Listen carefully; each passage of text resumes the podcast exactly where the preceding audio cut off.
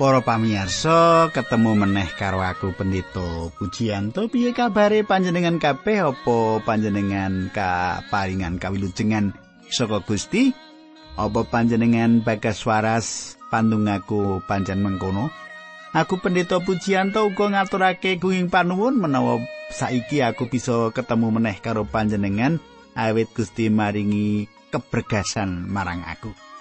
Nah katangku ayo nyerak aku ing kene saperlu panjenengan tak dumi berkah berkah kasukman saka kasuwargan.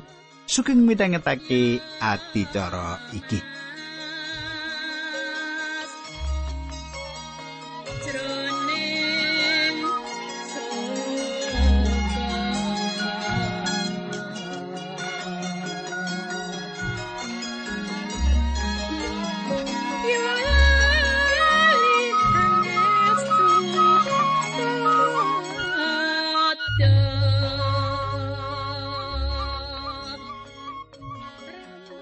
Katanggu apa panjenengan isi kelingan apa sing tak aturake ing patemon kita kepungkur? Aku wis meratelake marang panjenengan babagan bocah sing ilang, anak sing ilang, antarane bocah sing ilang karo kang masih sing ora gelem nampani kahanan yen adike Bali. Nah katangku apa isi ana meneh pasemon liyane saka kitab suci kita bakal semak bebarengan Nanging sadurunge kuwi monggo kita tumungkul, kita ndedonga bebarengan. Duh Kanjeng Rama ing swarga kawula ngaturaken gunging panuwun menawi paduka kepareng samenika kawula ngawontenaken tetunggilan kalian sederek-sederek pamiarsa sedaya. Kawula nyuwun tuntunanipun Gusti lan kawula ndongaaken sederek-sederek kawula ingkang samenika kedah ngadepi karo wetaning gesang supados paduka pitulungi lan paduka dari karuwetanipun. Dinambaran asmanipun Gusti Kawula Yesus Kristus kawula ndedonga haleluya amin.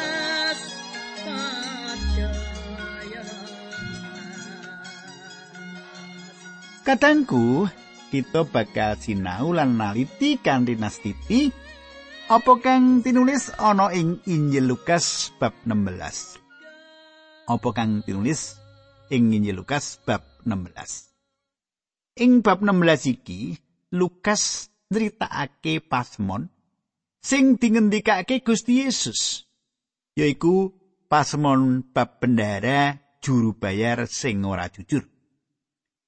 Paseman iki ana sing kliru tampa, dianggep yen Gusti Yesus ngalembono marang wong sing ora jujur atine. Ing paseman iki Gusti Yesus ngagem conto wong lanang sing manut marang patokane donya. Ing kitab suci dikandhake yen donya iki tresno marang dirine dewi, nanging yen marang kita kagungane Allah ora disenengi. Coba panjenengan semak Injil Yohanes 15 ayat 18 nganti 19. Ing basa pedinan mengkini surasani. Menawa kowe padha disengiti dening jagat ngerti yen aku wis disengiti luwih dhisik dening jagat, yen pinangkamu saka jagat jagat kuwi bakal nresnani kowe kaya wonge jagat dhewe. Nanging kowe wis ndak pilih saka jagat lan ndak sengker dadi duweku. Mulane kowe wis dudu wonge jagat kuwi sebabe jagat mau sengit karo kuwi. Kadangku saiki Roma rolas ayat loro. Paulus meratelake mengkini. Aja mung padha melu-melu kaya sing dilakoni dening jagat iki, nanging pasrahno marang Gusti Allah supaya budimu dadi anyar. Sronom kono kowe bakal ngerti apa sing dadi kersane Gusti Allah, ya kuwi sing becik, sing dadi keparengi lan sing sempurna. Kadangku hukume jagat sing kapisan ngrumat diri pribadi. Hukume jagat sing kapisan yaiku ngrumati diri pribadi.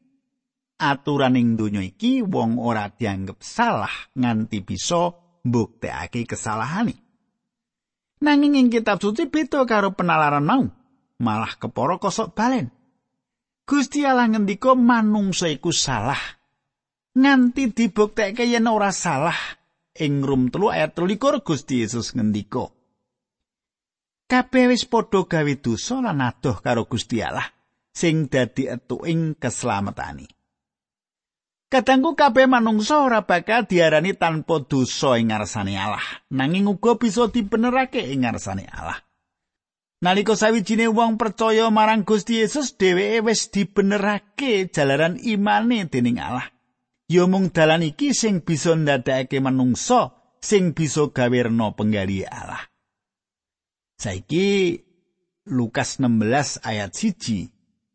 Gusti Yesus ngendika marang para sekabate ana wong sugih duwe juru gedhong. Wong sugih mau nampa wadulan yen juru gedhonge ngebreh-breh barangi bendarani. Kadangku iki ceritane wong sugih lan juru gedhonge tukang ngreksa bondo sing ora jujur. Bapak Abraham uga duwe tukang ngreksa bondo utawa bisa diarani bendahara. Raja Daud uga duwe bendahara sing jangkung gedhong sing ngurus raja branane malah uga ngreksa anak-anake. Lah juru gedhong iki nggunakake raja brana bendarane kanggo sakarepe dhewe ora miturut perintah bendarane. Saiki Lukas 16 ayat loro, mulane nuli diundang lan dikandani mengkene, aku krungu bab tumindakmu sing ora bener. Saiki kowe gawe laporan bab mlebu metune bondo sing ndak percayake marang kowe. Wiwit saiki kowe ndak lereni nggonmu dadi juru gedongku. Katangku, juru gedong iki kudu nglaporake pegawean sing dilakoni. Piro sing kanggo bayar para buruwe? Piro sing dinggo tuku pangan lan sak panunggalane dijaluki pelaporan. kabeh kudu dirinci ana ing laporan mau. Sebagian sing diutang wong kudu ditagih. Nanging juru gedhong iki malah kanthi julik ndelikake dhuwit sing kudu dadi tanggung jawabe. Ayat telu wong mau nuli mikir yen aku dilereni banjur aku arep nyambut gawe apa? Macul aku ra kuat mongko ngemis aku isin. Kadangku juru gedhong iki tangane alus, tegese ora tau nyambut gawe kasar, ngemis isin, macul ora iso eta. Ayat papat. Beci ngene wae. Yen aku dilereni aku kudu duwe mitra akeh sing gelem ngukup aku ana ing omahe. Kadangku wong iki ora meratobat. Wong iki nuruti pikirane sing ala. Wong iki tukang ngapusi sing julik, isin ngemis nanging ora isin nindakake bab sing ora jujur. Saiki ayat 5 tekan 6. Juru gedhong mau nuli ngundangi saben wong sing duwe utang karo bendarane. Wong sing kapisan ditakoni utangmu marang bendaraku piro? Wangsulane sing ditakoni lisah saitun satu drum. Juru gedhong mau nuli kondo marang sing utang mau. Wis iki layang mutang, saiki linggio gawe layang utang liyane. Lan inggal tulisen 50 drum. Wong iki mong bayar separo saka utangi. ayat pitu tekan wolu. Wong sing kapindo ditakoni, "Lah kowe utangmu piro?" Wangsulane wong mau, "Gandum 100 rembat."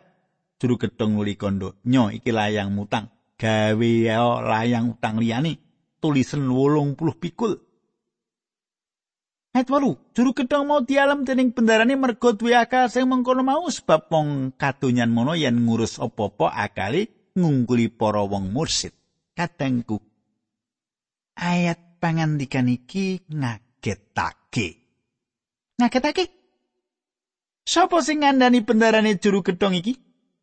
Wong suke mau nggone suke ya apus-apus kaya sing ditindakake juru gedhong mau.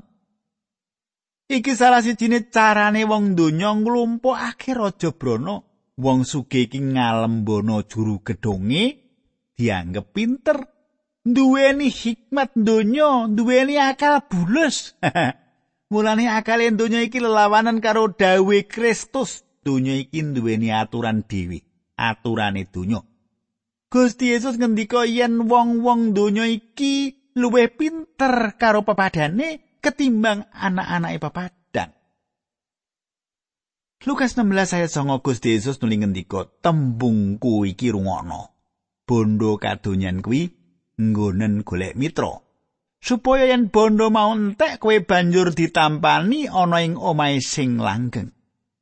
Kadangku ukara iki ngagetake bab sesambungane wong pracaya karo mamon sing ora jujur.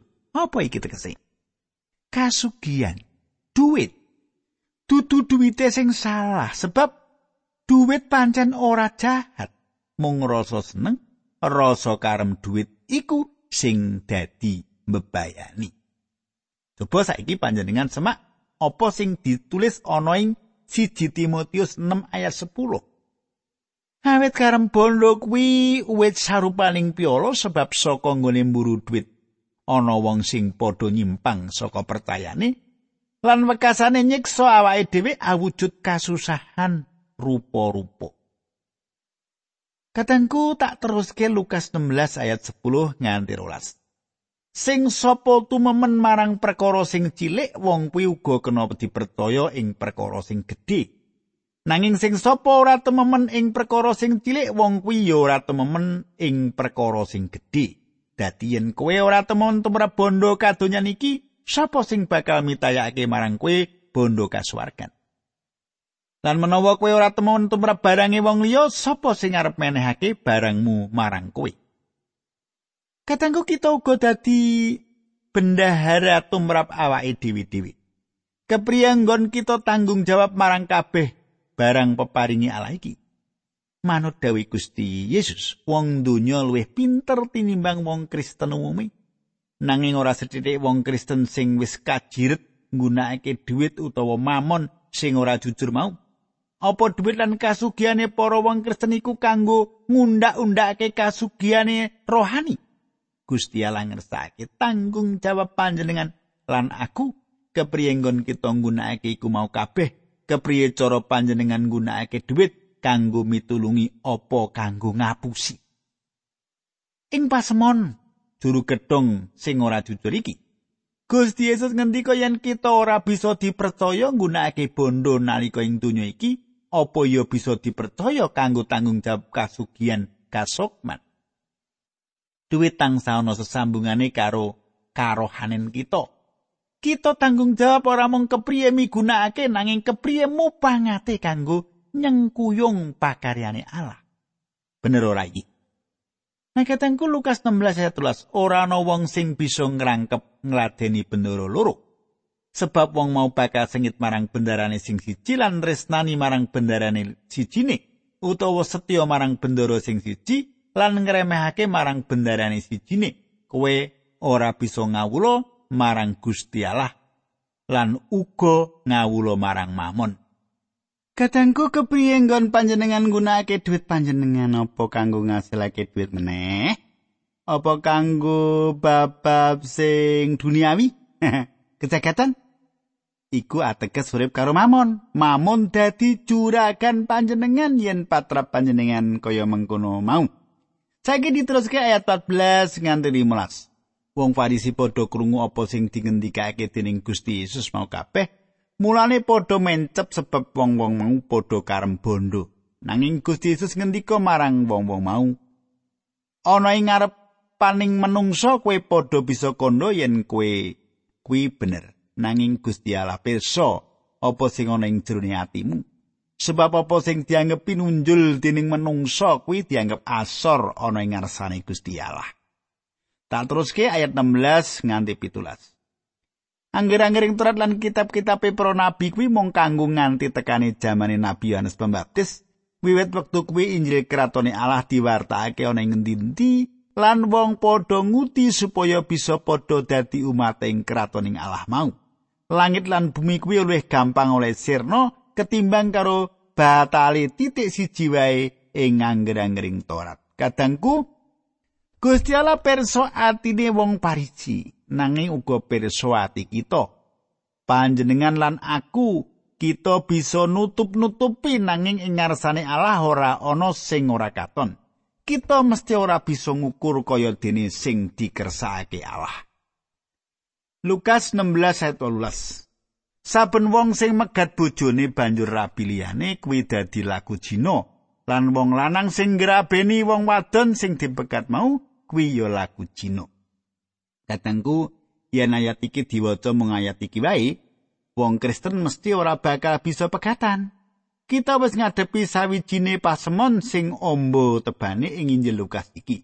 Gusti Yesus ngagem pasemon sing prasaja supaya gampang dingerteni dening kabeh wong sing ngrungokake.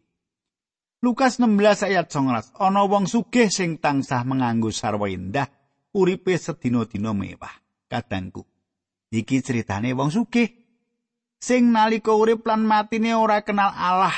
Ing pasemon iki kita nyinau apa sing dingendikae kitab suci mung ana priagung wong papat sing bisa crita bab ing sajroning alam pati.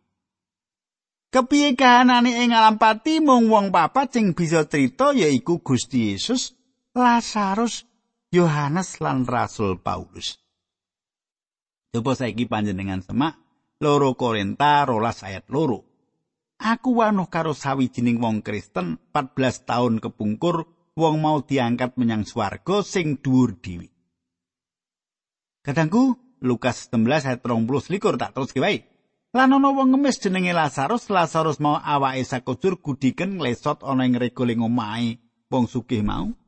Karpe supaya diparingi mangan sisane lorotan saka mejane wong sugih mau nanging malah diparani asu-asu sing nulit ndilati boroke Lazarus. Kadangku ana gambaran sing kosok balen sing siji sugih, sugih banget, sing siji melarat, melarat banget. Sing siji makili para wong sugih lan sing sijine makili wong-wong sing mlarat. Sabenere ora ana wong loro sing kabeh kahanan uripe ana benggangan gedhe siji lan sijine. Wong mlarat iki njagake remukan roti sing gogrok saka mejane wong sugih. Wong mlarat iki sebanding karo uripe abdi, ora tau diajak mangan bebarengan ing meja bendarane, asu-asu padha teka ndilati boroke wong mlarat mau. Mesakake iki gambaran kemelaratan sing banget. Lan wong sugih mau gegambarane wong kang sugih banget. Lukas 16 ayat 23 rawetara suwe Lazarus mati nuli nyawane digawa dening malaikat menyang swarga. Cedhak Romo Abraham wong sugih mau uga mati lan dikubur kadangku nalika Gusti Yesus rawuh ing lawanging pati banjur dilewati ngono wae. Nalika wong mlarat sing ngemesiku mati ora ana upacara apa-apa. Ing jaman iku nuli jasate dibuang ing are Gehenna campur karo sampah-sampah lan banjur diobong. Nalika wong mlarat mau mati bareng tekan lawange pati nuli ditulungi para malaikat lan dipapanake ana ing pangkone Bapa Abraham. Nalika wong sugih iku mati nganggo upacara gedhen diring menyang kuburan kanthi diringi dongane para ulama lan tekaning swarga. Katengku ayat 13 ana ing kono wong sugih mau nandang sengsara luwih banget bareng deleng mendhuwur wong sugih mau weruh Roma Abraham saka kaduan lan Lazarus ana sisi. Sumitraku sing ketriwal, sing ilang mlebu papan pasiksan kanthi sadar. Yen wis mati isih padha kenal siji lan sijine, kita isih bisa dikenali. Tembung alam pati ing basa Yunani disebut alam sing ora kasat mripat. Alam pati iki ora bisa kita ngerteni sadurunge tekan ing Wahyu 20 ayat 10 sing ngandhake yen sing manggon ing alam pati iki wong wong sing anti Kristus lan para nabi palsu. Nalika Lazarus lan wong sugih iku mau mapan ana ing alam sing ora kasat mripat iku, pati iku misahake. Pati iku ora ilang. Pisah nalika bapa Adam mangan woh sing ora dikeparengake dipangan dening Allah. Banjur Adam mati. Secara jasmani nganti 900 tahun Bapak Adam isih urip nanging jiwane wis pisah karo Gusti Allah. Gusti Yesus ngendika Yohanes 11 ayat 20 lan 26. Pangandikane Gusti Yesus marang Marta, sing nangekake wong mati kuwi aku lan sing meneh urip marang manungsa kuwi aku. Wong sing percaya marang aku senadan wong mau wis mati bakal urip meneh. lan wong sing isih urip sing percaya marang aku ora bakal mati ing selawase apa kuwi percaya bab kuwi sepisar meneh ndak aturake Gusti Yesus ngendika pangandikane Gusti Yesus marang Marta sing nangekake wong mati kuwi aku lan sing menehi urip marang manungsa kuwi aku wong sing percaya marang aku senajan wong-wong mau wis mati bakal urip maneh lan wong sing isih urip sing percaya marang aku ora bakal mati ing salawase apa kuwi percaya bab iku. Kadangku menungso bisa saka Allah jalaran dosane. Yen panjenengan kepengin mirsani jasad mati sing urip kuwi ana ing panggonan-panggonan maksiat. Jasad iki padha mainake musik kanthi banter banget jogetan lenggak-lenggok nuruti irama musik ngombe-ombe alkohol narkoba lan obat-obatan liyane. Panjene secara rohani wis mati mula jalaran kepengin urip nyoba kanthi nindakake kasenengan-kasenengan mau. Ana pati kaping pindho yaiku matine rohani kita. Sing ateges urip kita pisah saka Allah. Yen mati secara jasmani wis ora bisa ubah apa-apa. Lan pati rohani ateges uripe wis pindah jasad mlebu ing bumi lan unsur liyane dadi awu coba panjenengan semak purwaning Timothy telu ayat 19 Nggonmu mangan rezekimu nganggo nyambut gawe abot nganti tekan patimu bali menyang bumi asalmu. Sarane kowe lebu mula bakal bali dadi lebu meneh. Mati tegese dipisahake.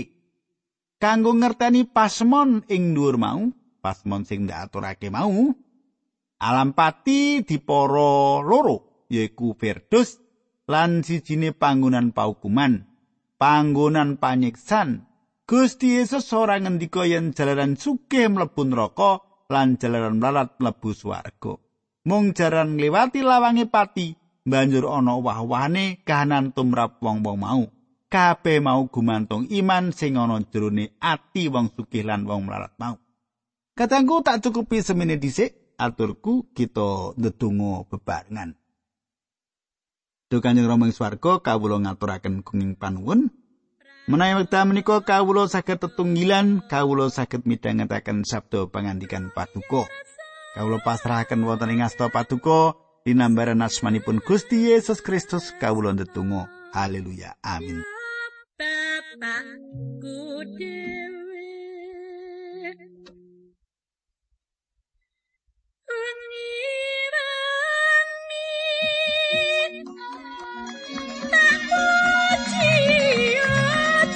Yeah.